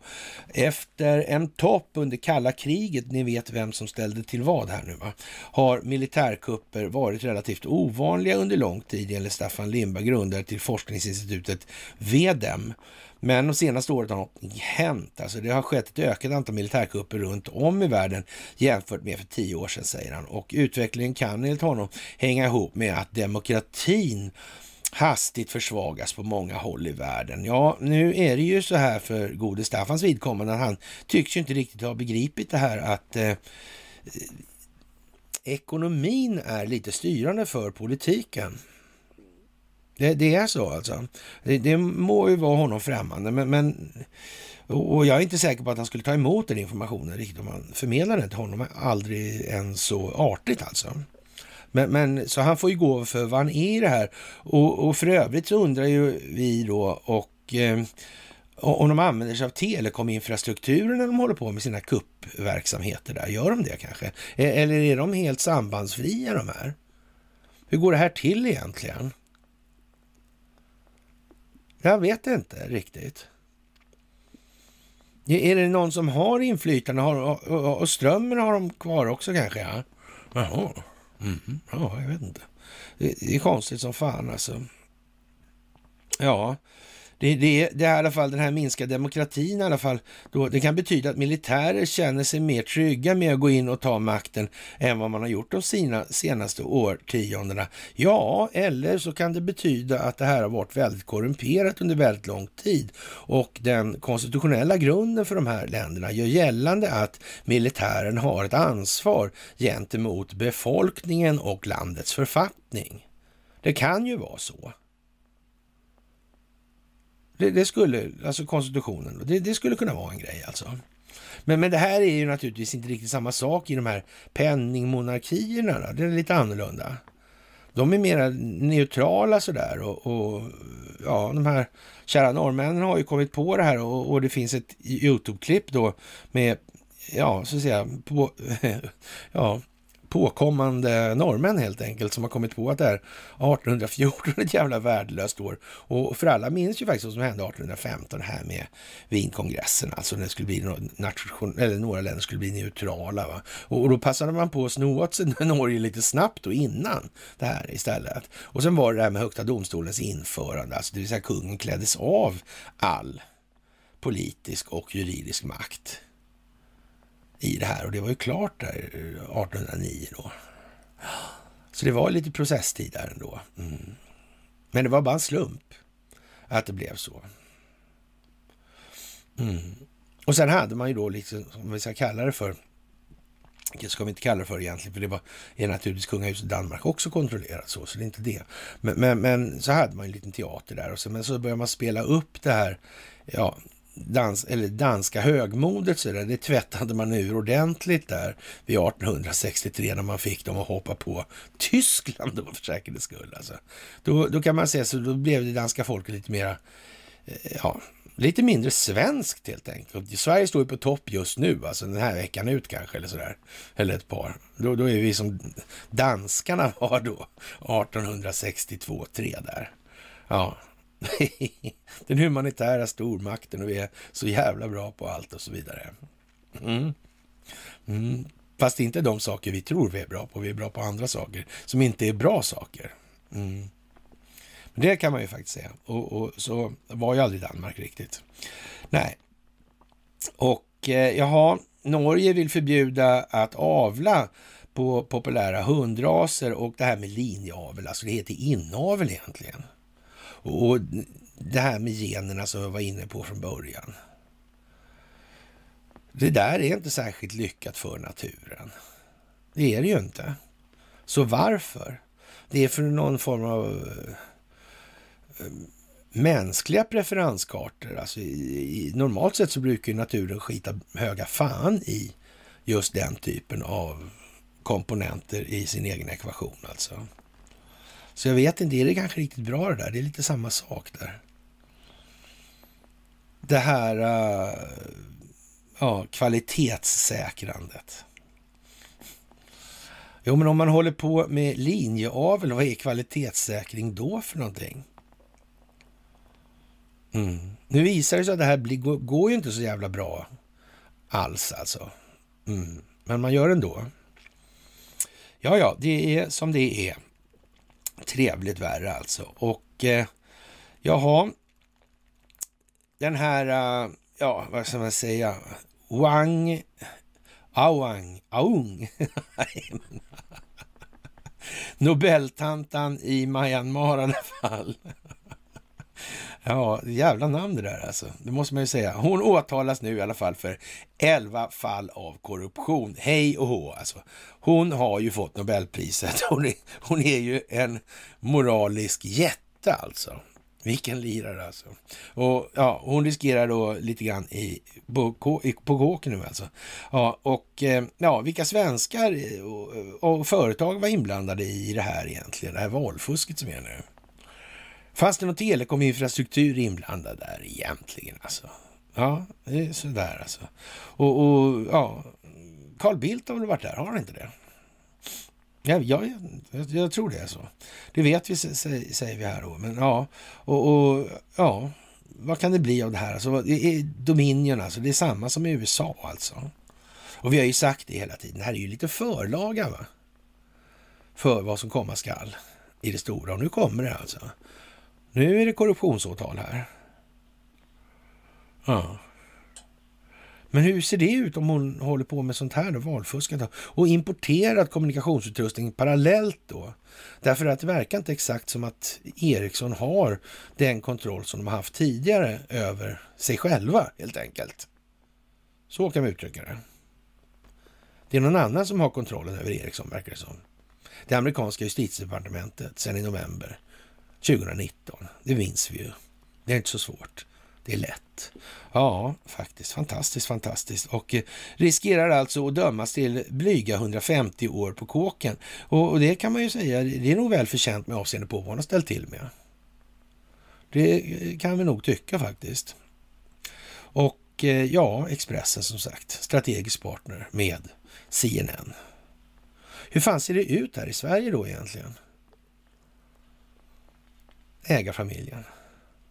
Vad har de pysslat med historiskt? Någonting. På tal om utpressade politiker. Och så vidare. Ja, det räckte väl för fan inte med att sälja porrbilder. Man måste ju kunna göra något vettigt också. Kan de ha gjort så? Men med så förslag kan man väl ingen vara ändå? Va? Redan då? Jaha. Ja, det kan ju vara så. Jag vet inte faktiskt. Jaha, Swedbank utreds fortfarande för av fyra amerikanska myndigheter, däribland justitiedepartementet och eh, det kan ju bli en slant i böter då. Och i Estland ligger Finansinspektionens utredning om penningtvätt eller annan kriminell verksamhet har ägt rum på åklagarmyndighetens bord för beslut då. Och det här, vem var det som har finansierat de här juristutbildningarna i Baltikum? Det har vi tagit upp några gånger också. Eh, och vilken telekominfrastruktur finns det i Baltikum till exempel? Vilken kraftförsörjning finns det i Baltikum till exempel? Och eh, ja, börsen där alltså. Är det Nasdaq också? Ja, men det är det ju. Men det hänger inte ihop. Nej. Nej, nej, men då vet vi ju det helt enkelt. Och bonusen, som sagt. Ja. Vi kan väl säga att advokaten Olsson han ser närmast opassligt självsäker ut, men det får man förstå i det läget. Han har nog pratat med amerikanska justitiedepartementet faktiskt. Både en, två, tre, fyra och fem och hur många gånger som helst. Sedan lång tid tillbaka. Sen är han inblandad i den här Encrochatten också. Tänka sig om man har pratat med de här. Hur stort kan det här vara bakåt? Spelet på hemmaplan. Det, så, det tycks vara en annan advokat som sköter det.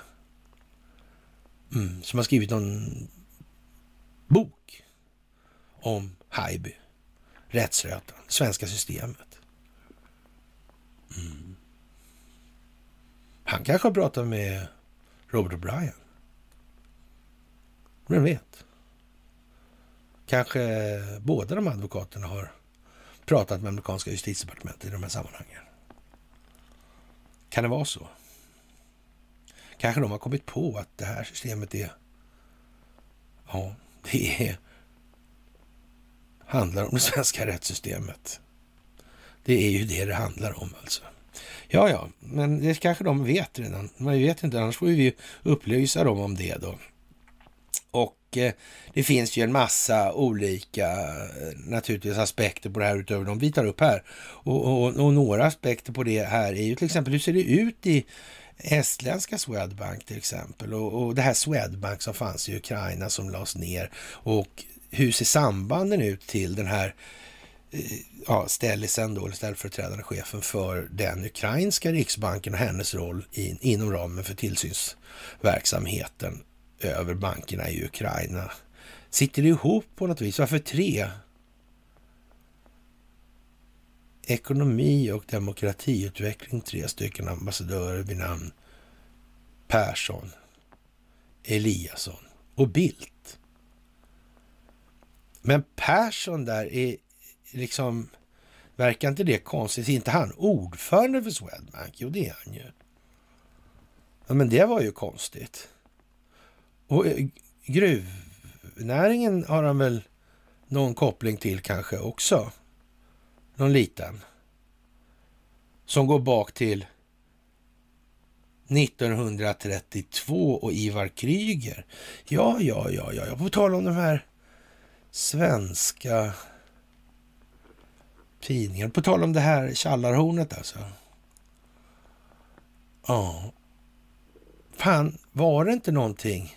I USA så var det tydligen så att där fanns det så att säga tidningar som var tidningar, inte rena organ för den djupa staten. Det, det fanns det faktiskt i Sverige också, någon gång kanske i alla fall.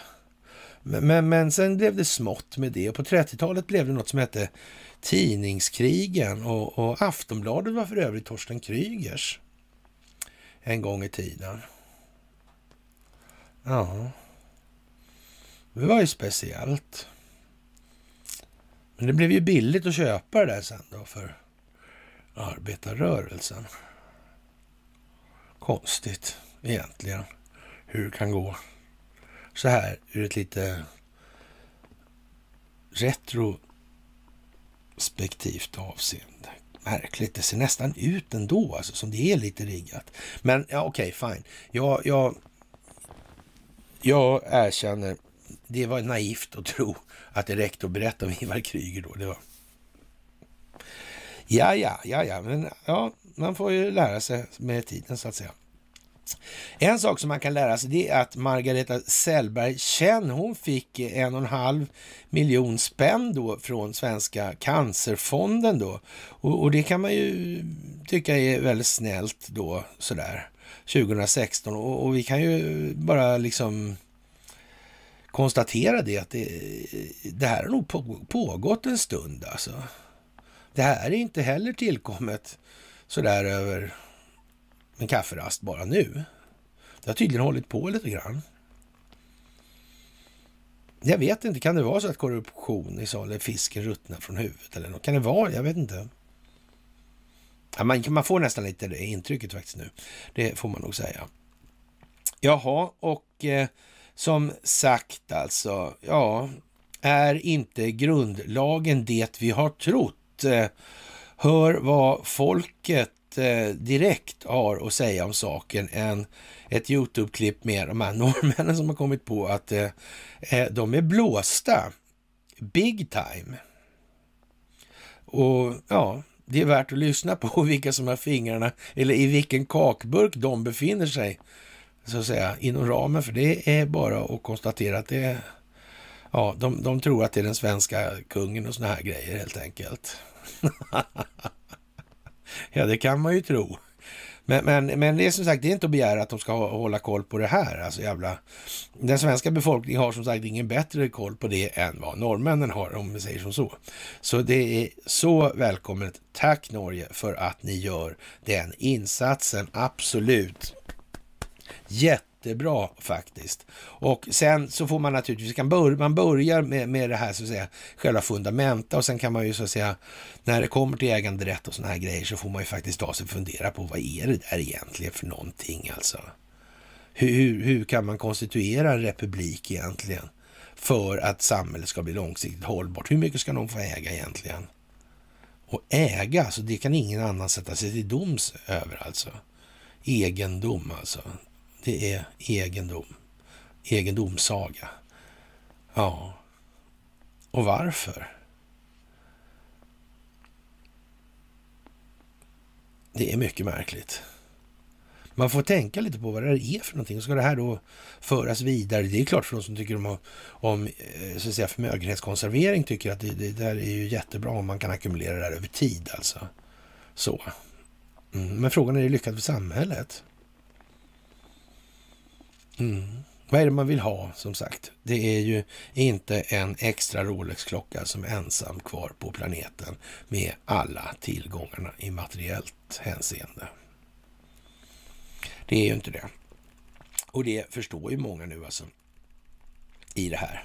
Jaha, och eh, ja, digital plånbok alltså. DIGG, Myndigheten för digital förvaltning, samma dag tog fram den svenska plattformen för vaccinationsbevis, skriver följande i sitt remissvar till riksdagen om EU-plånböckerna. De kan man ladda ner då på www.dig.se då. Och eh, ja, vad man ska säga, man föreslår en, en statlig svensk egenlegitimation på den högsta tillitsnivån skyndsamt tas fram för att stärka svenskars möjlighet utomlands och stärka giltig möjligheterna att ha den till grund för så kallad ID-växling över till en digital Ja, alltså det här. Och för att det inte ska uteslutas att en sån legitimation i praktiken kommer att krävas inom kort tid efter förslagets ikraftträdande. Alltså det, ja, men, men som sagt, det är ju lite grann som att göra då eh, Stoltenberg till riksbankschef eller eh, nej, man säger från EUs sida då att man, man, behåller helt enkelt det här med covidpassen, även om länderna har tagit bort det. Kom igen nu alltså. Det handlar om opinionsbildning, det handlar om optiken, det handlar om att skapa ett intryck, det handlar om att förmedla signalvärden som människor reagerar på. Det är vad det här handlar om. Det här är... Och, och, och fine, om man säger som så. Om det var ett annat utgångsläge om det var samhället under öppna transparenta former som skötte kontrollen och så vidare. Men det här är ju dummare än kärringen på Skatteverket häromdagen alltså. Louis Lerners föregångskvinna liksom som vill ha finansiell diktatur och, och biometrisk data. Ja, men så här. Det här är lika dumt. Och de här dumma grejerna, de är till för en enda sak. Alltså. Det är för att människor ska reagera. Det går ju inte att eh, höja dieselpriset. Det, är ju, det kommer de ju fortsätta med naturligtvis, för det måste ju göras då i det här. Men, eh, ja, man måste ju vara säker på att man får faktiskt folk att tänka till. Och, och, och hur jävla mycket om de ska, ska krypa på alla fyra hörntänderna på slutet, då får det ju bli så. Det finns ingen återgång till det gamla. Det finns inte någon möjlighetens värld liksom. Det går inte. Det måste bli en förändring. Det är bara det. Ja, och eh, för att göra det här lite mer tydligt nu, va? En gång till. Då chockhöjer man elpriset för att förhindra konkurs då. Bästa lösningen just nu.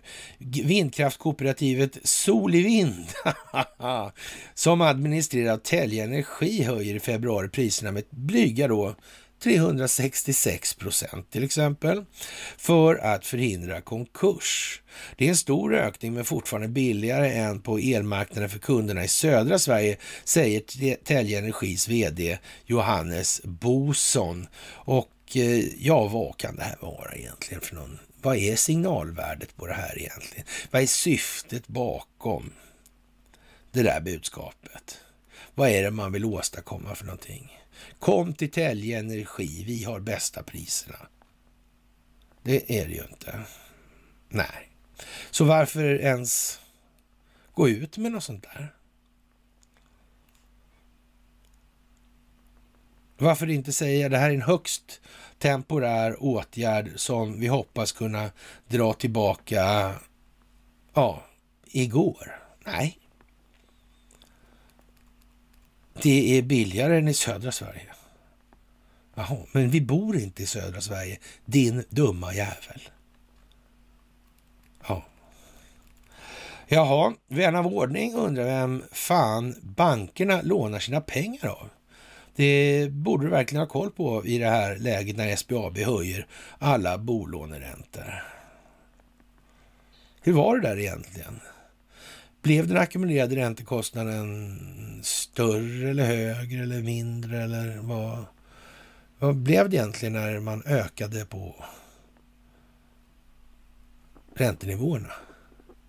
Är det här svårt på något jävla vis eller? Det är ju inte det. Men ändå. Ja, mina lån, mina lån. Ja. ja, ja, ja, ja. Mm. De kommer få lära sig, tro inget annat. Jaha, och eh, ja, det är, vad ska man säga så här då? Vasa vind, alltså det, det ja, Det kostar tydligen mer än smakar att snurra på topp i kriget mot den egna befolkningen. Och vindkraftanläggningen i Havsnäs som ägs av Havsnäs Vindkraft AB Eh, i Solna har problem med ekonomin. De 47 vindkraftverken genererar inte tillräckligt för att täcka kostnaderna. Detta trots att det inte finns några anställda i bolaget. Den senaste årsredovisningen visar en förlust på drygt 160 miljoner kronor. Goddag liksom. Men känna? Är det, är det liksom eh, ja, Jämtlands Tidningen det här? Det finns inga anställda. Och, och, och det går med förlust. Jaha, kommer förlusten öka eller minska kanske? Eller kommer det bara bli vinst en dag liksom? Blåste det inte det här året eller förra året? Eller vad fan beror det på? Hur är det här egentligen? Och, och, är det lämpligt?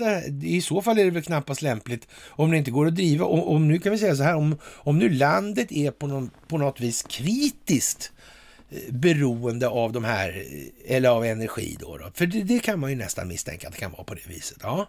Och, och är det då lämpligt då att den här typen av verksamhet då, och, och, och, som går back, då ska den ens handhas av eh, varför då? Då borde den i alla fall vara, vara statlig då. Men, men, men frågan är ju någonstans, om genererar den så mycket energi då, en, i alla fall då, så att den men den går back trots det, eller?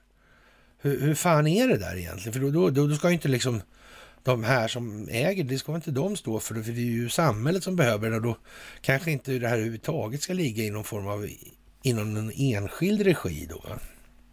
Alltså hur man än vrider och vänder på det här nu så blir optiken vad den blir.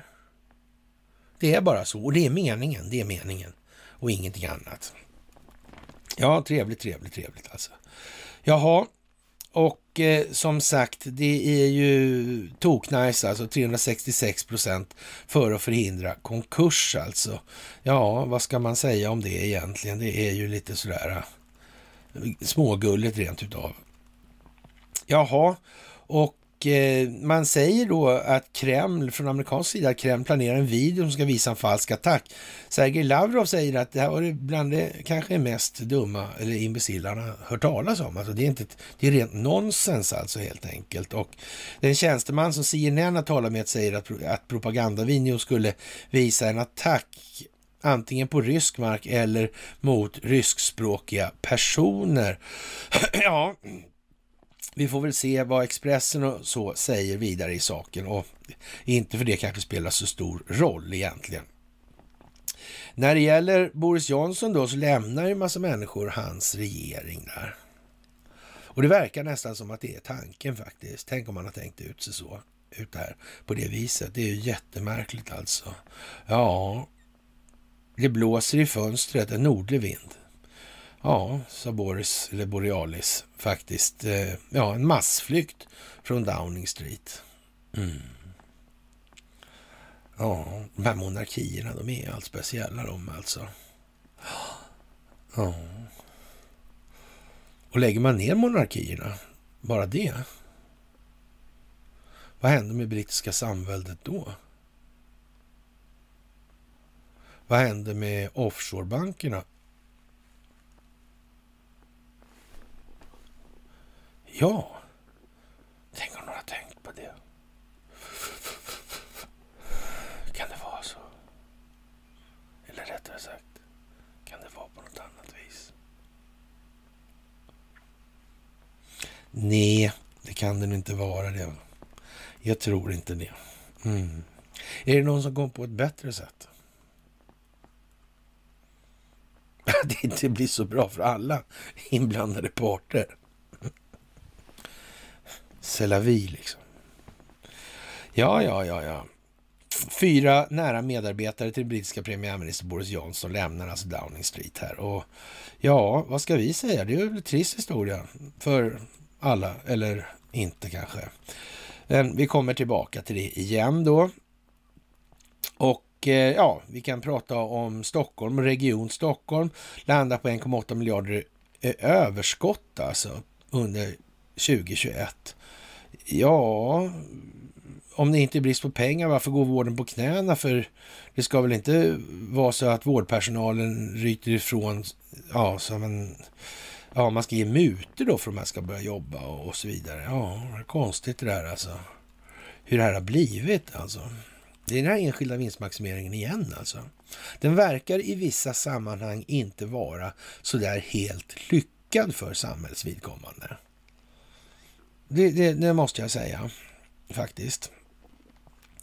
Det är ju lite tråkigt alltså. Och Eh, det här är ju mycket speciellt alltså. Tusentals patienter väntar på operation och personalen befinner sig på bristningsgränsen. Samtidigt gör alltså Region Stockholm en vinst på nästan 2 miljarder enligt preliminära siffror. Och då kommer det här alltså. Det här visar att Irene Svenonius är mer intresserad av att samla pengar på högen och satsa på vården. Och det kan man ju säga. Svenonius är väl kanske inte det bästa moraliska föredömet som den här befolkningen någonsin har haft alltså. Men en värdig representant väl alltså.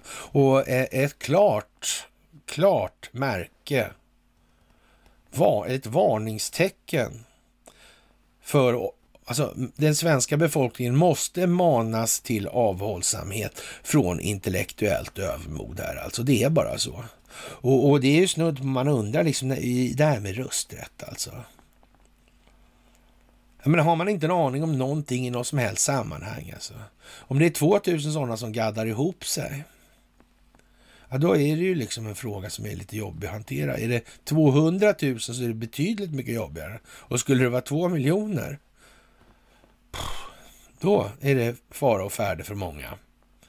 De själva också, men det begriper de inte alltså i så fall. Ja, ja. Eh, ja, Flera EU-länder är alltså på väg att häva sina restriktioner. EU-kommissionen vill dock förlänga giltighetstiden för EUs covid-certifikat till den 30 juni 2023. Och det är ju, vad vi säger så här, det är ju en propagandainsats för EU som liknar ingen annan tidigare genomförd insats. Det kan man ju inte säga nej till, eller hur? Den är av anmärkningsvärd natur, som man brukar uttrycka i de sammanhangen. Och det är ju bra att tänka på kanske. När det gäller det här med då, ja, Tyskland och ja, Boris Johnson kanske också. Det finns ju ett samband där och det var ju någonting som hade liksom vad var det där det bolaget var? Red Bee, vad tror jag det hette. Det var ett dotterbolag, det är ett dotterbolag till de där som är, ligger under det amerikanska justitiedepartementets kontroll nu alltså. Det svenska telefonbolaget Ericsson. Mm, det är de alltså. Du, och, och, det verkar ju precis som att det här med Ryssland då. De blev ju liksom, fick ju RT utsparkad ur Tyskland och, och, och, och de kontrade direkt med att sparka ut Deutsche Welle. Och, och den minnesgode kan ju faktiskt googla lite och titta och konstatera att det här med Deutsche Welle, det är ju liksom också någon jävla Red B-koppling alltså i det här. Det verkar ju som alla på något vis har koordinerat sin verksamhet för att komma åt just de här intressen eller det här, den här intressegrupperingen. Den verkar liksom sitta mitt i överallt hela jävla tiden runt planeten. Det går liksom inte att diskutera. Och det gör inte de här andra rymdödlorna och de här. Alltså, nej. De gör ju inte det. Alltså. Det är inte så. Nej. Faktiskt alltså. Ja, Ryssland förbjuder alltså Investor-kontrollerade Deutsche Welle. Är inte det konstigt? Och det var ju det här med Jimmy Savile. Pedofilhärvan. Boris Johnson anklagas eller rättare sagt, han anklagar BBC för att inte göra sitt jobb då liksom i det här. Och det, gällde också, det gällde just den här Jimmy Savile och, och, så vidare. Det verkar liksom det verkar gå i ett och ihop hela tiden. Kanske inte Boris Johnson vet det här och känner till de här grejerna. Han har liksom en, eh, ja, BBC backa upp Savile helt enkelt. Ja. Och Johnson han kritiserar BBC. Ja. Ja. Boris Johnsons policychef har sagt upp sig detta efter att premiärministern tidigare i veckan fällt en kommentar om oppositionsledaren Keir Starmer och den pedofilanklagade programledaren Jimmy Savile. Ja, tripp, trapp, trull, Boris är inte full. Det är bra att tänka på de här grejerna alltså.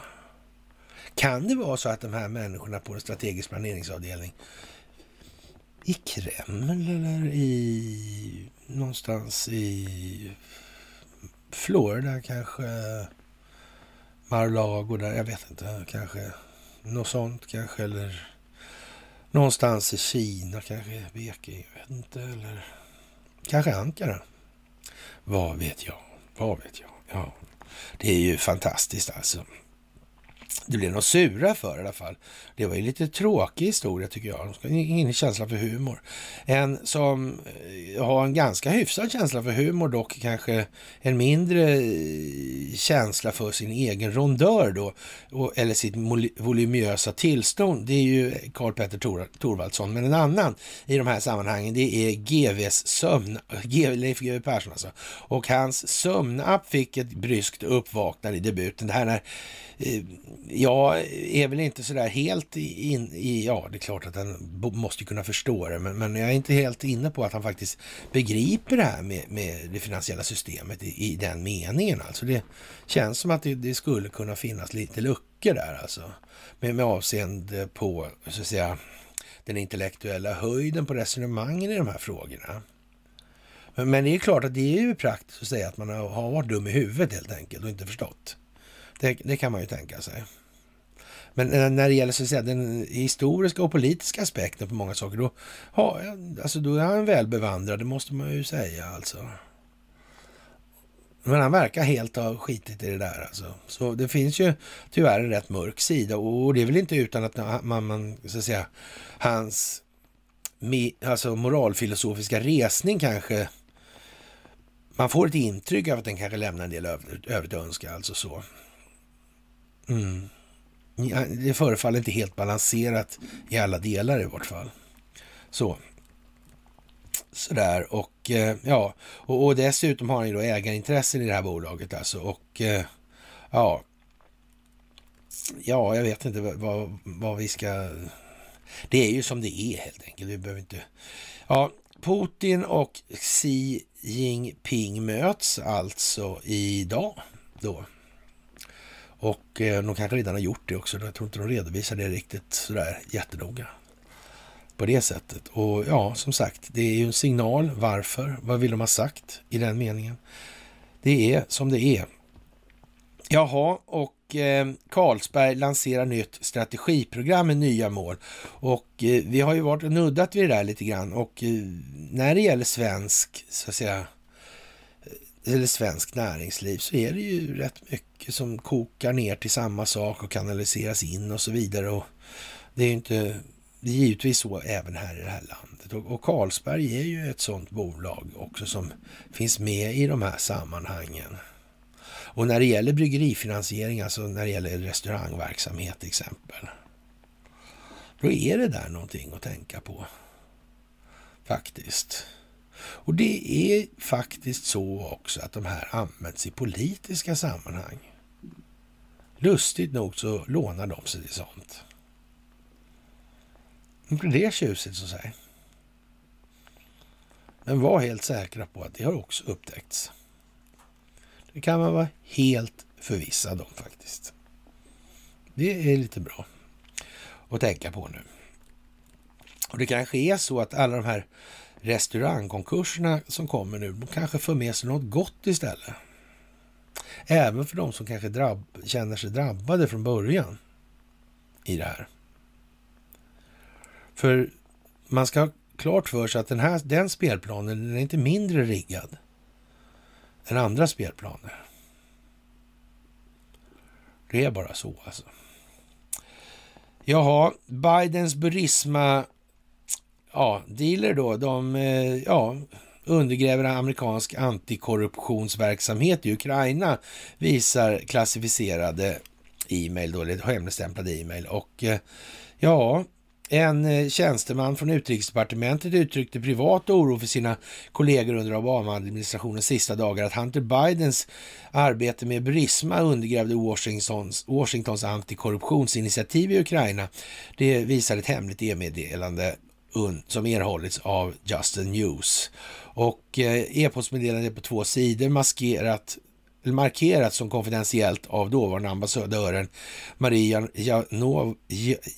Jovanovic och utskickat av tidigare amerikanska ambassadens tjänsteman George Kent den 22 november 16.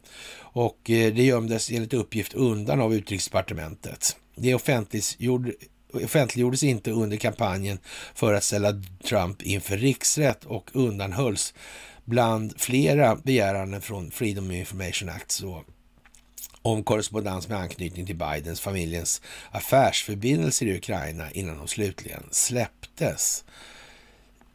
Ja, varför var det så? Det ser ju dumt ut nu. Gör det inte det? För att inte säga att det ser asdumt ut, rent ut sagt. Och det här är ju en lång story och, och det, ni känner ju till det här i stor, till stora delar så ja, det är ju som det är. Meta störtdök alltså 25 procent i öppningen igår. Det vart lite till också sen så det blev inget bättre liksom och eh, ja, som, eh, ja, vad ska man säga, vilken tur att det skapades öppning av Trump som inte tagits bort av Biden för att klassificera nätjättar som vitala delar för samhällets kommunikation och alltså helt enkelt expropriera bolagen. Ja, det där med, ni vet det där med slå sig där jallarhornet alltså, eller bullhorn då, eller skitsnackhornet då. Det är ju eh, rätt så rejält det här nu. Som sagt, det kommer att bli spännande och det kommer att bli jättespeciellt faktiskt. Ja, rätt mycket pengar rör det sig om naturligtvis. Då typ, nästan 2000 miljarder kronor alltså. Det är en hel del pengar det. Det är inte som den svenska försvarsbudgeten direkt. Det kan man inte säga. Det är inte som någon annans försvarsbudget heller, vill jag påstå. Men det här med pengar och ekonomi verkar vara av en viss vikt ändå då, att känna till alltså. Och för att kunna förstå varför det ser ut som det gör och vilka skeden som tar vid var av vilken anledning och så vidare. Det här är viktigt. Det är viktigt. Och jag tror att de flesta av er börjar faktiskt förstå eller inse vikten av det här och nu när Kina och Ryssland börjar agera för att då Ja, att, alltså, de tänker motverka sanktioner då helt enkelt genom att begränsa användning av dollar i sin handel. Då, då blir det ju lite annorlunda alltså. Det är helt säkert. Helt säkert så är det på så vis. Jaha, och eh, ja, en undersökning visar att Biden är den sämsta presidenten någonsin och det är ju meningen som sagt. Och eh, ja, idrottsminister Ygeman, han är kanske den bästa idrottsminister som Sverige har haft. Och först och främst blir han upprörd över det här att antidopingarbetet är då helt korrumperat och eh, det är centralt för en ren idrott och förtroende för idrotten, säger Ygeman. Och alla vet ju att Ygeman är en seriös kille, jätteseriös helt enkelt och eh, ja, upprörd över doping, jag vet inte. Ja, ja, ja, ja, ja, ja. Jaha, det, det är som det är liksom. Han är ju kompis med Svin-Erik där alltså. Alhem. ja, rättsväsendets Don Quixote liksom. Jaha, vad ska vi säga? Den här Margaret Sellberg, känd då, alltså gift med ja, Pundar-Matti höll jag på att säga, men han ser ut som en tjackpundare, det går inte att missa helt enkelt. Och ja, jag vet inte, han är väl vald med omsorg helt enkelt, för att ge ett seriöst intryck. Såklart. Och sen är det ju det, han gör ju det han gör naturligtvis, men whatever liksom. Ja, så Expo kräver att regeringen stoppar konspirationsteorier. Jaha. Stackars Expo. Jag funderar på att ringa upp de där Paul här och liksom försöka... Eller kanske träffa dem rent utav alltså. De måste ju någonstans komma till sans alltså. Så vänta lite grann till det... De dör ju inte på en gång liksom i... Eller deras organisation dör ju inte på en gång. De kommer väl... Vad ska de göra liksom? Så det går väl att snacka med dem sen. De måste liksom komma överens. Men det är inte det här lite dumt att hålla på som ni har gjort ens. Tycker ni inte det liksom? Det är ju uppenbart lite tokigt det ni har sagt. Faktiskt. Det är ju inte så att ni resonerar till saklig grund. Ni håller på med all annan möjlig opinionsbildande skit som någonsin går. liksom. Mm. Vilseledande propaganda skulle man kunna säga. Ja, ja, vi får se vad det blir av det i alla fall.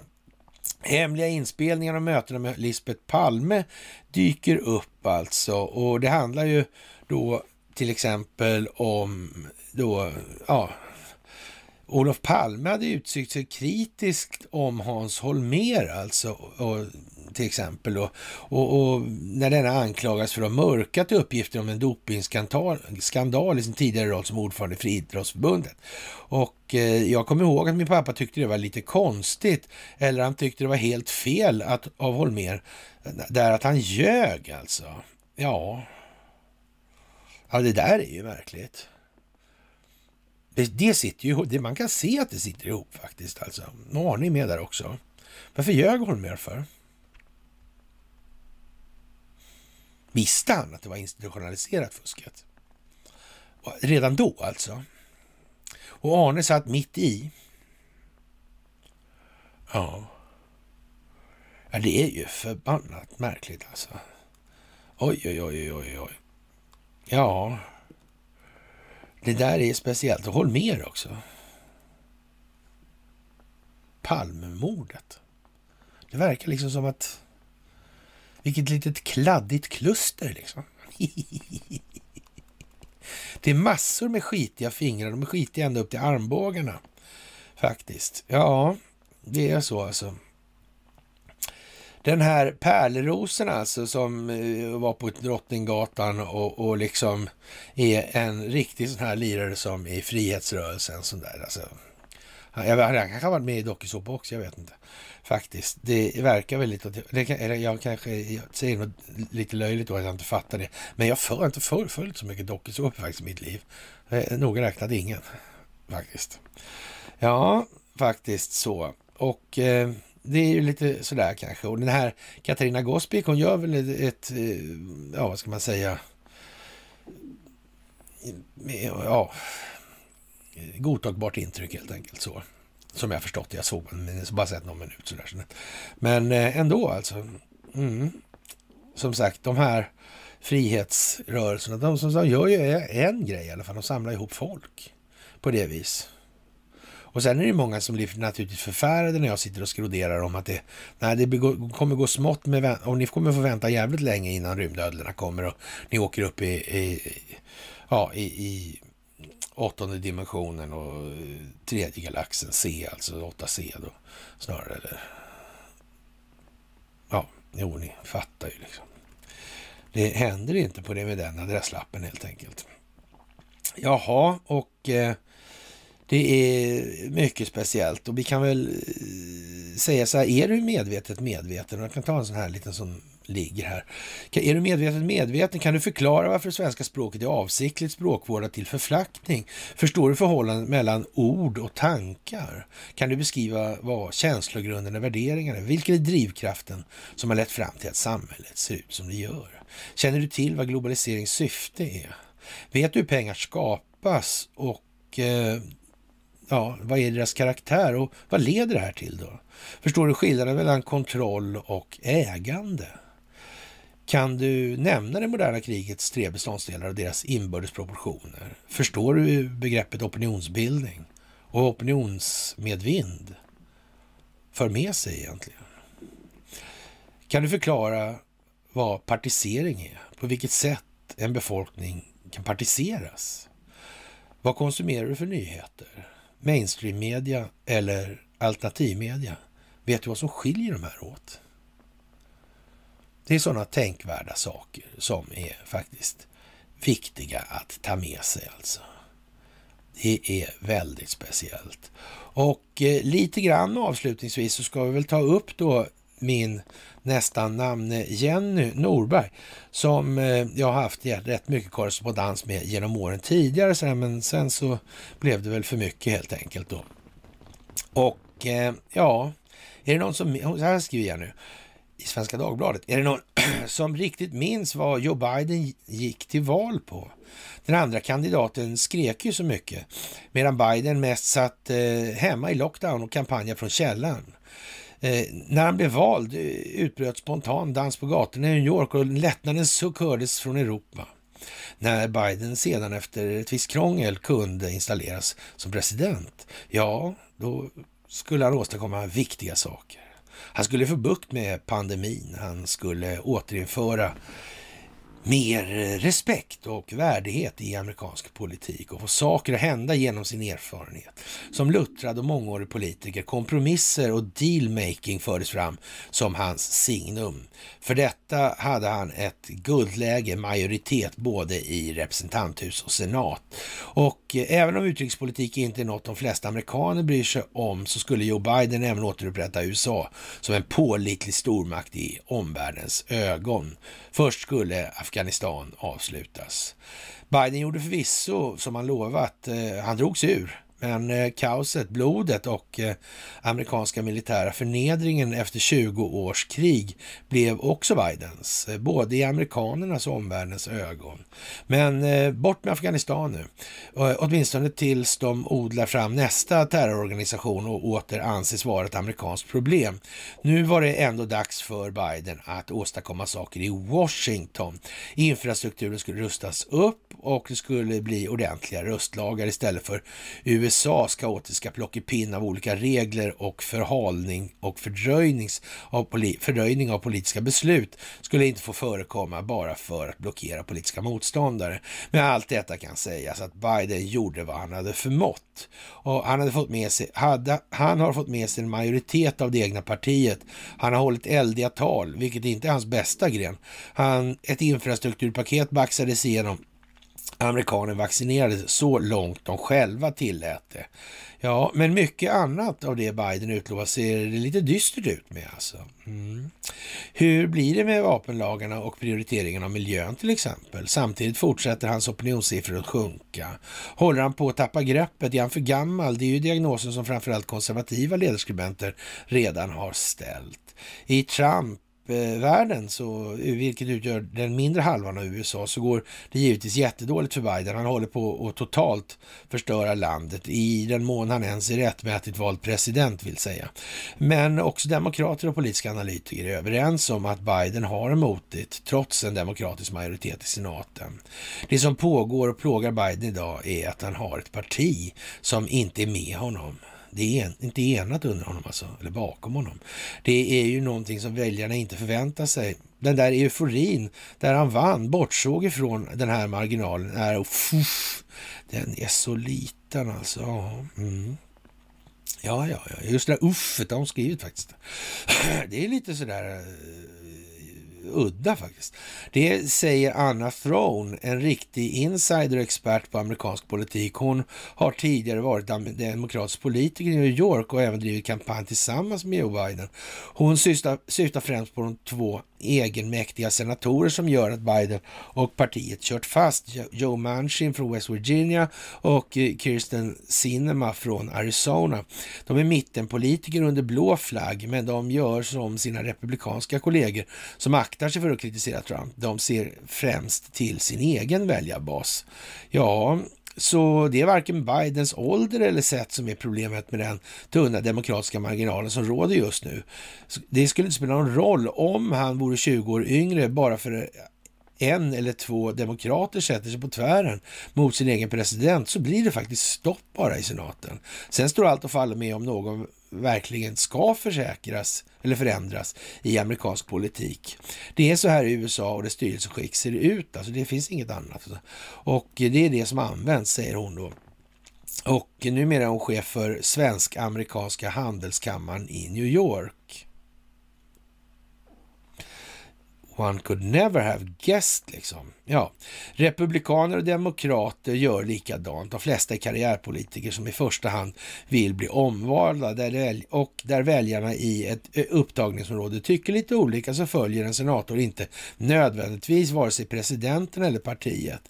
Så kommer då Putin Mannen med världens mest sofistikerade sinne för timing lanserar som av en händelse en geopolitisk kris när Biden inte direkt glider fram i Washington på en räkmacka skulle hon lagt till kanske. Men, ja, då blev det bråttom att återupprätta Sovjetunionen och kanske skrapa åt sig ytterligare en bit av Ukraina. Jensan-pensan liksom. ja, och nu måste den amerikanska presidenten verkligen få till en deal. Inte bara för att undvika krig i Europa, utan i förlängningen också för att kunna åstadkomma mer i sitt eget land. Och därför låter han alltså bli att, eh, ja, diskutera det här eller förhandla, för det gör ju Erdogan. Och det sker mellan Ukraina och Ryssland. Ja, ja. Mm.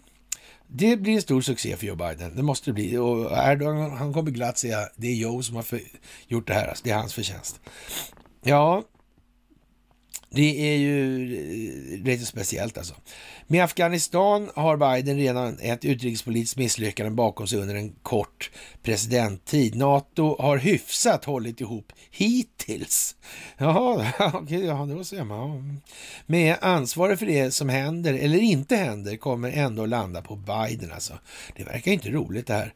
Eh, och inget val är kul när Putin sätter agendan. Biden vill inte leda eh, USA i krig. Han vill inte eh, verka undfallande. Han vill inte göra någonting alls. Ja, för trots att intresse för för varken Ukraina eller Ryssland är enormt hos amerikanska väljare så kommer Bidens ageranden i frågan påverka synen på honom i USA. Kommer han att ses som stark, svag, resolut eller kränkt av Putin? Ja, de amerikanska väljarnas syn på sin president påverkar de röstängsliga senatorerna, vilket sedan kan avgöra deras stöd för Biden i annat som man vill ha igenom då kanske. Ja, Ryssland har därmed effektivt placerat sig i USAs demokratiska process och påverkar hur väl Biden faktiskt lyckas som president överlag. Och tänk om det faktiskt finns något som skulle smaka ännu bättre för Putin då. Ja. En lite halvfryst skogs och åkermark i Ukraina. En amerikansk president som framstår som man inte får något gjort och är på väg utför. Både för omvärlden och eh, sina motståndare och sina egna. Det må man ju säga var en lite udda text av Jenny Nordberg. Det får vi faktiskt säga. Det var lite trevligt. Ja, som sagt. Och eh, ja, faktum är att de höga kostnaderna för penningtvättsåtgärder under den överblickbara framtiden, ja, de, de kommer att bestå, säger man då från SEBs sida och sänker riktkursen för Swedbank. Ja, tänk för Swedbank har att göra med Ukraina i de här sammanhangen. Och eh, ja, det här med rasismen och Expo. Ja, Whoopi Goldberg tar tag i det där och det lär hamna där det ska. Hur är det där med rasismen egentligen? Är det också en konstruktion? Av någonting, av en anledning, med ett syfte bakom. Ja, kanske det kanske. Det må ju vara som det är med den saken faktiskt. Och eh, med det, kära vänner, så tror jag väl att vi har kommit så långt vi behöver komma idag och eh, den här veckan är till ända och ni ska ha det största av tack som alltid för det ni gör när ni hänger med på de här små ja, muntrationerna på fredagarna, måndagarna och onsdagarna. Och eh, som sagt, vi kommer att göra brandkårsutryckning vid behov, men det ser ju ut som den här planlagd, planläggningen är rätt så väl tilltagen och genomförd alltså. Det ser rätt bra ut skulle man kunna säga, om man, det är understatement alltså. På så vis. Och ni är för jävla bra på det här, det måste jag ju säga. Det är riktigt roligt. Och eh, nu har man ju krattat manegen åt oss i den meningen att när man eh, så att säga plockar ihop de här människorna och sen eh, visar det sig då att allt de gör det är att enas liksom. Det var ingenting att enas kring eller om eller för eller mot eller någonting. Alltså. Utan de bara står där och enas liksom. Och, och talar om absoluta självklarheter som eh, alla kan läsa, även de som inte vill vara med och enas. Sådär. Och eh, ja, som sagt, tacksamt värre. Det går in, ni märker det själva nu, hur de här gamla käpphästarna som ni själva har sett för redan från när ni började hänga med här på den här resan så såg ni att det här var någonting som tjatades om. Ni förstod kanske inte riktigt vad det var och undrade, kan man inte veta att det ska bli så där ändå alltså? Jo, det kunde man faktiskt. Det gick att veta redan. Det gick till och med att rita en bild om man fick lite beskrivning av vad det skulle vara på bilden kanske skulle tillägga också sådär. Mm. Till och med det, till och med det. Och det kommer att bli så. Helt säkert så är det så. Och eh, med det så tackar vi för den här veckan och det här myset och sen så hörs vi på måndag och jag önskar er en verkligen trevlig helg. Hej!